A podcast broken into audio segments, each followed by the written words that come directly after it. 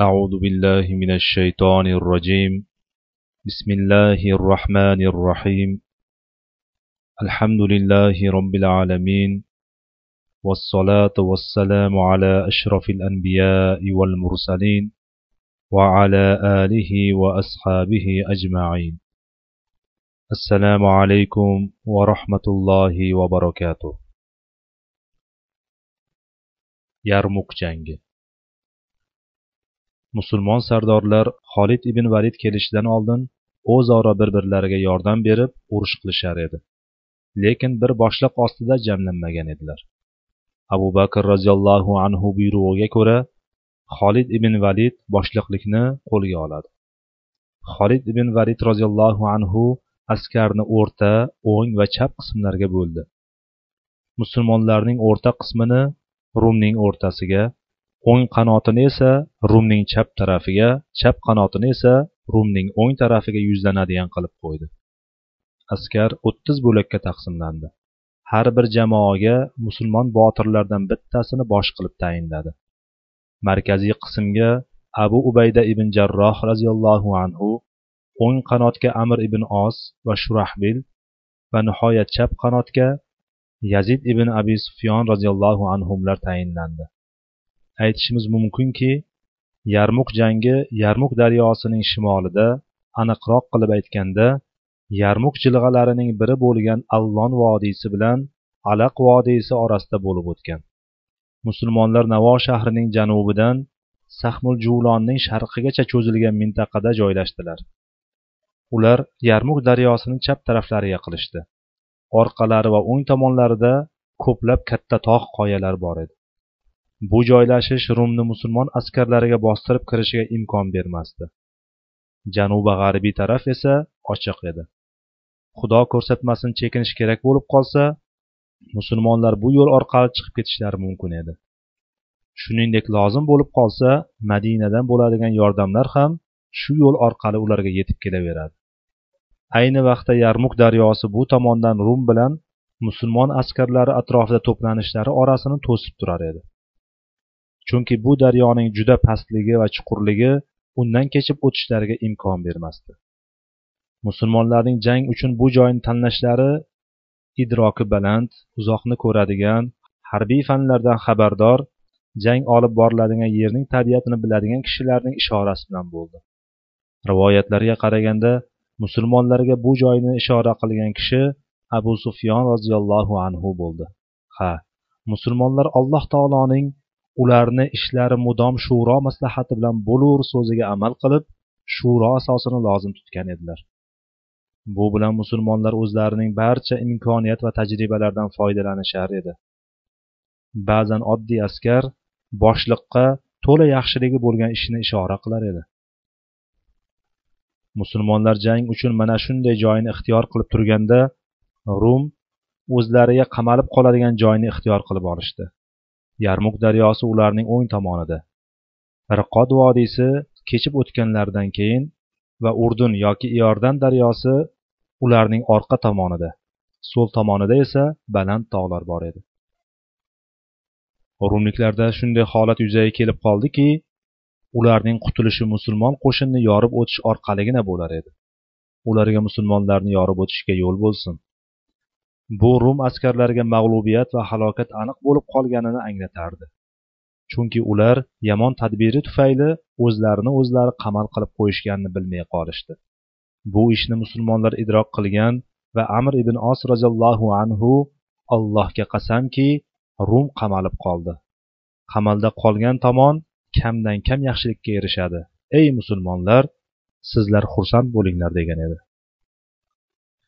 Jang boshlanishidan oldin arab nasorolaridan biri xolid ibn validning harakatini susaytirmoqchi bo'lib rum qo'shiniga ishora qilib unga rum qanchalar ko'p musulmonlar bunchalar oz bo'lmasa dedi. Xolid aytdiki senga voy bo'lsin meni rum bilan qo'rqitmoqchimisan. Albatta qo'shin askarlar soni bilan emas yordam ya'ni allohning nusrati bilan ko'payadi. Yordamsiz tashlab qo'yish bilan ozayadi. Allohga qasamki ashqor ya'ni xolidning otining oyog'ini ostidagi kasali tuzalishini xohlayman.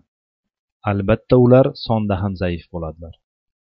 Bunday kuchli va ishonchli so'zlar dovyurak qo'mondondan chiqqanligi uni iymonining quvvatiyu nusratga bo'lgan ishonchiga ochiq dalildir. Ha har doim e'tiborga olinadigan narsa miqdor emas balki sifat bo'lishi tayyorgarligu sonining ko'pligi emas balki aqidaning baquvvat bo'lishidir. Zero qo'rqoqning qo'lidagi qurolning hech qanday qiymati yo'q. Bu xolid roziyallohu anhuning qolaversa chin musulmonlarning islomdan ta'lim olib o'zlariga singdirgan darslaridir. Ular shu asosni mahkam tutar ekanlar allohning nusratiga sazovor bo'laveradilar. Bundan boshqasi bilan esa mag'lub bo'ladilar. Jang boshlangan paytda rumning hujumlari musulmonlarning o'ng va chap tarafiga shiddatlashib ketdi. Hattoki markaziy qism chekina boshladi. Rum asosiy hujumni o'rtaga qarata boshladi. Bundan maqsadi qo'mondonlik markazini ishg'ol qilib xolid ibn validni o'ldirish yoki asir olish edi. Lekin ularning maqsadlari puchga chiqdi.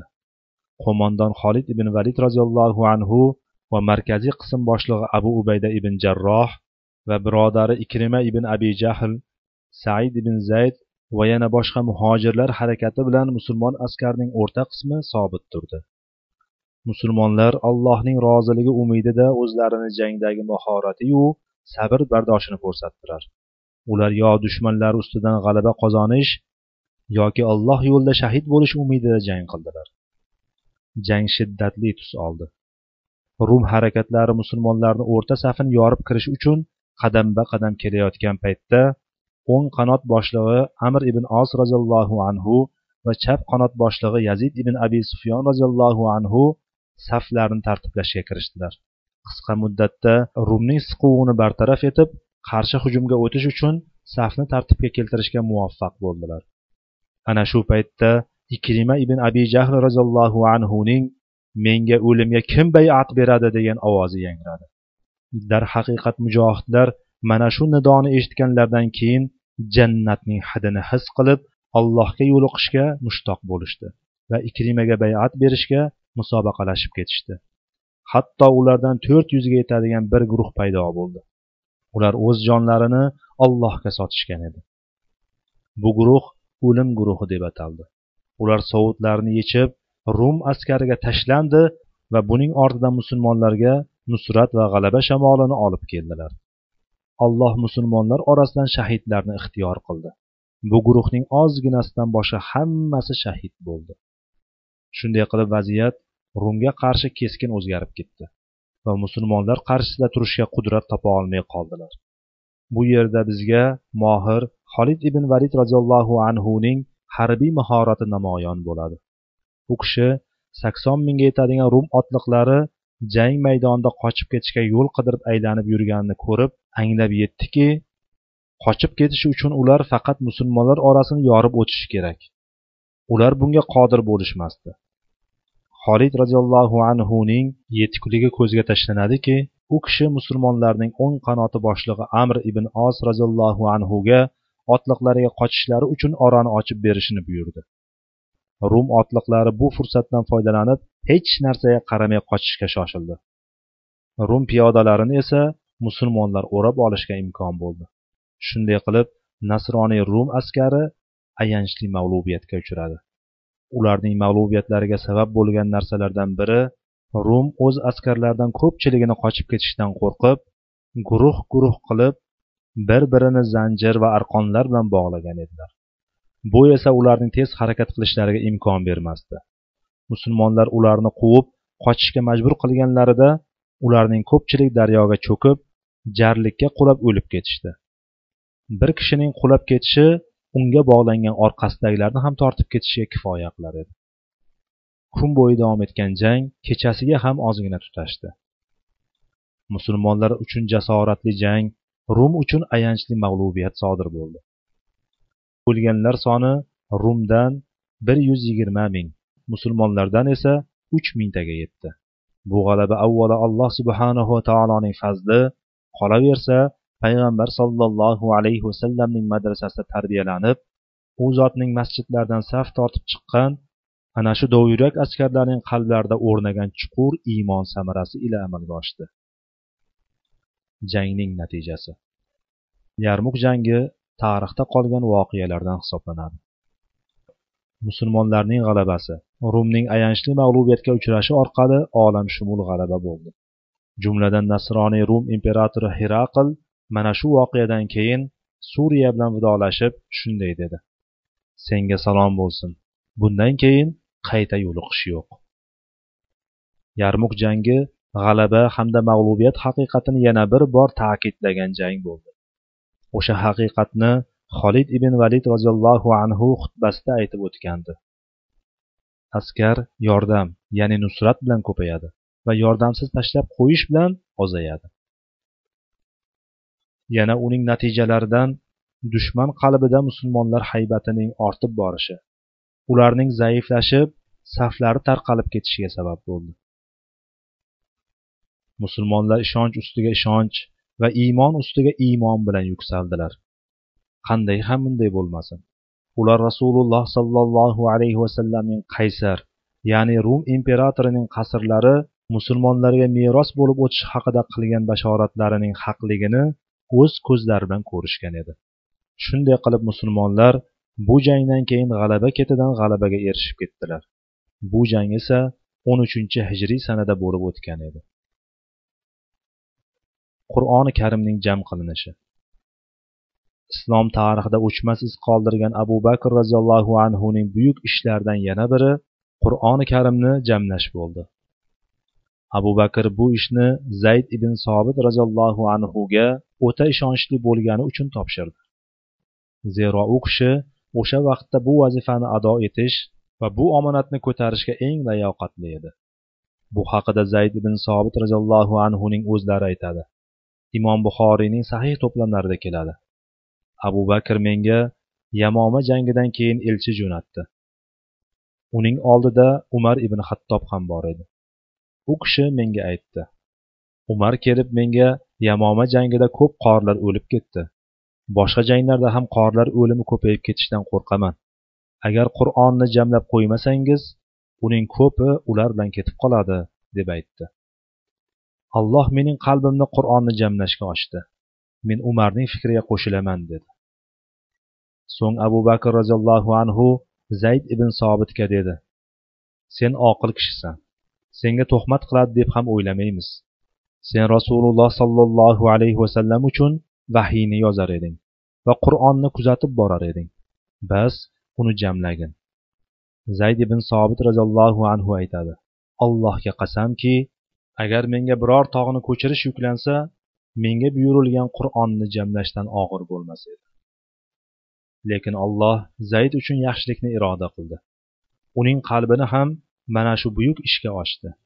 U qur'oni karim oyatlarini terilardan suyaklardan va odamlar qalbidan to'play boshladi. Uni jam qilishda juda aniqlik va to'la ehtiyotkorlikka e'tiborini qaratdi. Alal oqibat uning hammasi ichida jamlangan sahifalarni mushaf shaklida yozib bitirdi. Hammasini jamlab bo'lib abu bakr roziyallohu anhuga topshirdi. Bu mushaf keyinchalik umar roziyallohu anhuga undan keyin esa qizi hafsaga ko'chib o'tdi. Usmon roziyallohu anhu davrida barcha islomiy o'lkalar uchun umumiy mushaf yozildi. Abu bakr roziyallohu anhuning kasal bo'lishi va vafot etishi. Tarixchilar abu bakr roziyallohu anhuni hijriy o'n uchinchi sanada jumadil oxir oyining yettinchi kunida kasal bo'lganlarini zikr qilishadi. Uning kasali o'n besh kun davom etdi. Kasali kundan kun og'irlashib ko'p o'tmay vafot qildi. U kishining xalifalik muddati ikki yil o'n oyu o'n kun bo'lib yoshlari oltmish uchga yetgan edi. Shunday qilib islom tarixidagi yorqin sahifa yopildi. U kishi rasululloh sollallohu alayhi vasallam davrlari mobaynida allohning yo'lida jihod qilar edi. Rasululloh sollallohu alayhi vasallam rofiqul aloga safar qilgach ish u kishiga yuklandi. Alloh va rasuli shariat qilib bergan ko'rsatmadan chiqmadi. Qisqa davr ichida arabiston yarim oroli ichidayu tashqarisida katta islomiy davlatga asos soldi. Alloh u kishidan rozi bo'lsin va u kishini ham rozi qilsin.